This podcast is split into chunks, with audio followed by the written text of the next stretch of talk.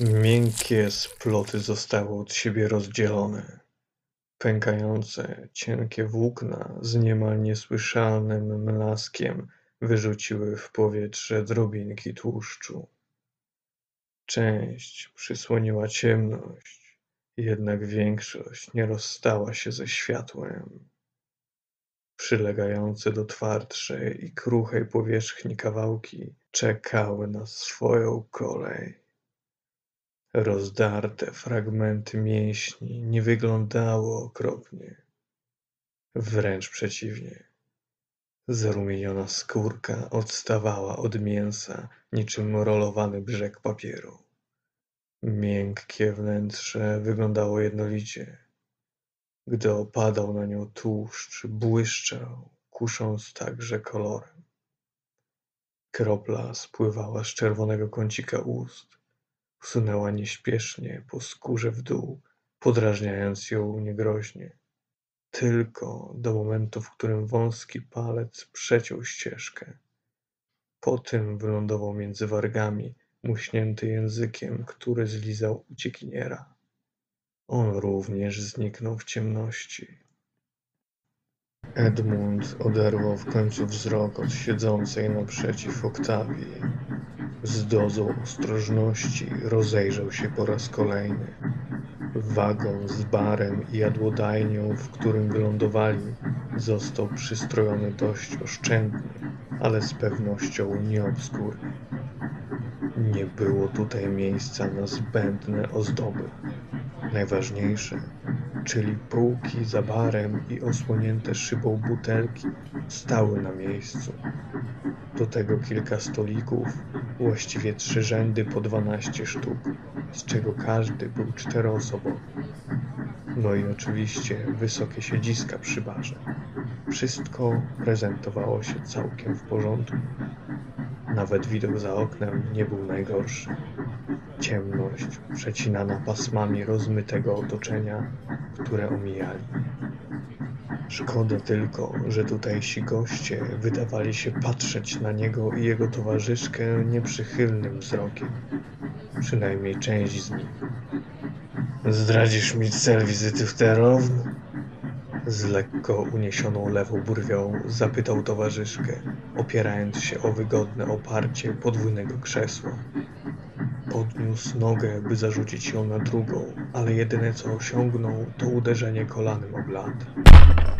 Naczynia podskoczyły, a na twarzy mężczyzny pojawił się przepraszający wyraz. Wizyty? Zaczęła jeszcze z pełną buzią. Zakryła nią usta i dała sobie kilka chwil na przerzucie kawałka łódka kurczaka. Przełknęła je w pełnym skupieniu, po czym złapała za szklanicę. Srebrny pierścionek na serdecznym palcu sprawił, że szkło zabrzęczało. Upiła dwa łyki herbaty i odetchnęła, sięgając po serwetkę. Wytarła usta i palce, by jeszcze przelotnie spojrzeć na ludzi siedzących po jej prawej stronie i odrzekła. Jadę do domu, do męża, a właściwie narzeczonego. Wracam z południa, mam tam rodzinę. Musiałem ich odwiedzić. Zewnętrzną częścią dłoni przejechała po prawej stronie czoła, odgarniając włosy, które lada chwila opadłyby jej na twarz. Oparła nadgarstki o blat, zgiętymi palcami do góry, aby nie obrudzić miedzianego obrusu. To wasze pierwsze dziecko? Łowca pytał dalej, trzymając się tematu ciąży. Znów stał się odrobinę podejrzliwy, odkąd Oktawia na początku chciała zamówić lampkę wina do posiłku. On sam skończył już jeść. Odruchowo odsunął swój talerz o kilka centymetrów. Poczuł też przyjemną woń cygara. Wiedziony zapachem, natrafił wzrokiem na siedzącego pięć stolików dalej dżentelmena w garniturze i cylindrze. Już wcześniej rzucił mu się w oczy. Właśnie przez to, że jako jedyny nie zdjął nakrycia głowy, a do tego siedział z nim człowiek przedstawiający zupełne przeciwieństwo dobrze ubranego mężczyzny. Odziany był w zwierzęce skóry. Palący elegant niemal natychmiast skrzyżował spojrzenie z Edmundem, jakby wyczuł jego wzrok na sobie. Chwycił rondo swego kapelusza i zgiął delikatnie, unosząc przy tym dłoń, dzierżącą cygaro w geście pozdrowienia. Do tego się uśmiechnął, a długi rudy wąs zdobiący młodą twarz razem z nim. Tak, moje pierwsze, ale Leonard ma córkę ze swoją poprzednią partnerką. Taka padła odpowiedź zaraz po pytaniu. Widząc, jak Edmund zawiesił wzrok na kimś za jej plecami, odwróciła głowę z czystej ciekawości. Uśmiechnięty mężczyzna był jedynym, który w ten sposób na nich patrzył. Inni ze swą dozą wrogości i ostrożności wydawali się być dzięki temu normalni. Zwęszyła zagrożenie.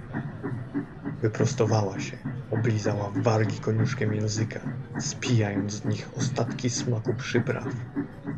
Wzięła głębszy wdech i zaczęła przesuwać się ze swojego miejsca przy ścianie. Idę się odświeżyć.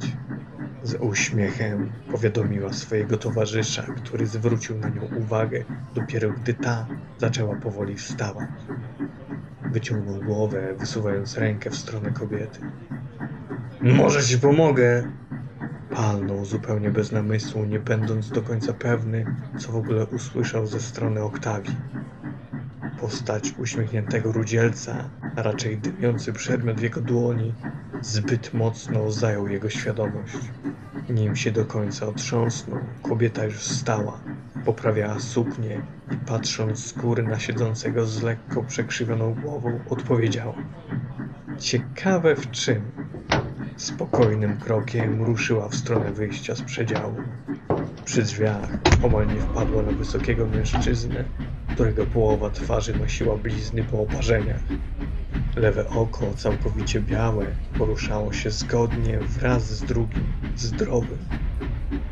Spojrzał na nią, uśmiechnął się, ale tylko prawa część twarzy mogła to zdradzić. Lewy kącik ust był wygięty w dół, a nozdrze zapadnięte. Oktawia odruchowo położyła rękę na brzuchu, chcąc je chronić przed zderzeniem. Znajomy przeszedł obok. Był szeroki, nie za sprawą budowy, a szturmowego półpancerza. Ochroniarz pociągu. Poznała po wydrukowanym oznaczeniu na metalowej piersi. Zdziwiła się odrobinę.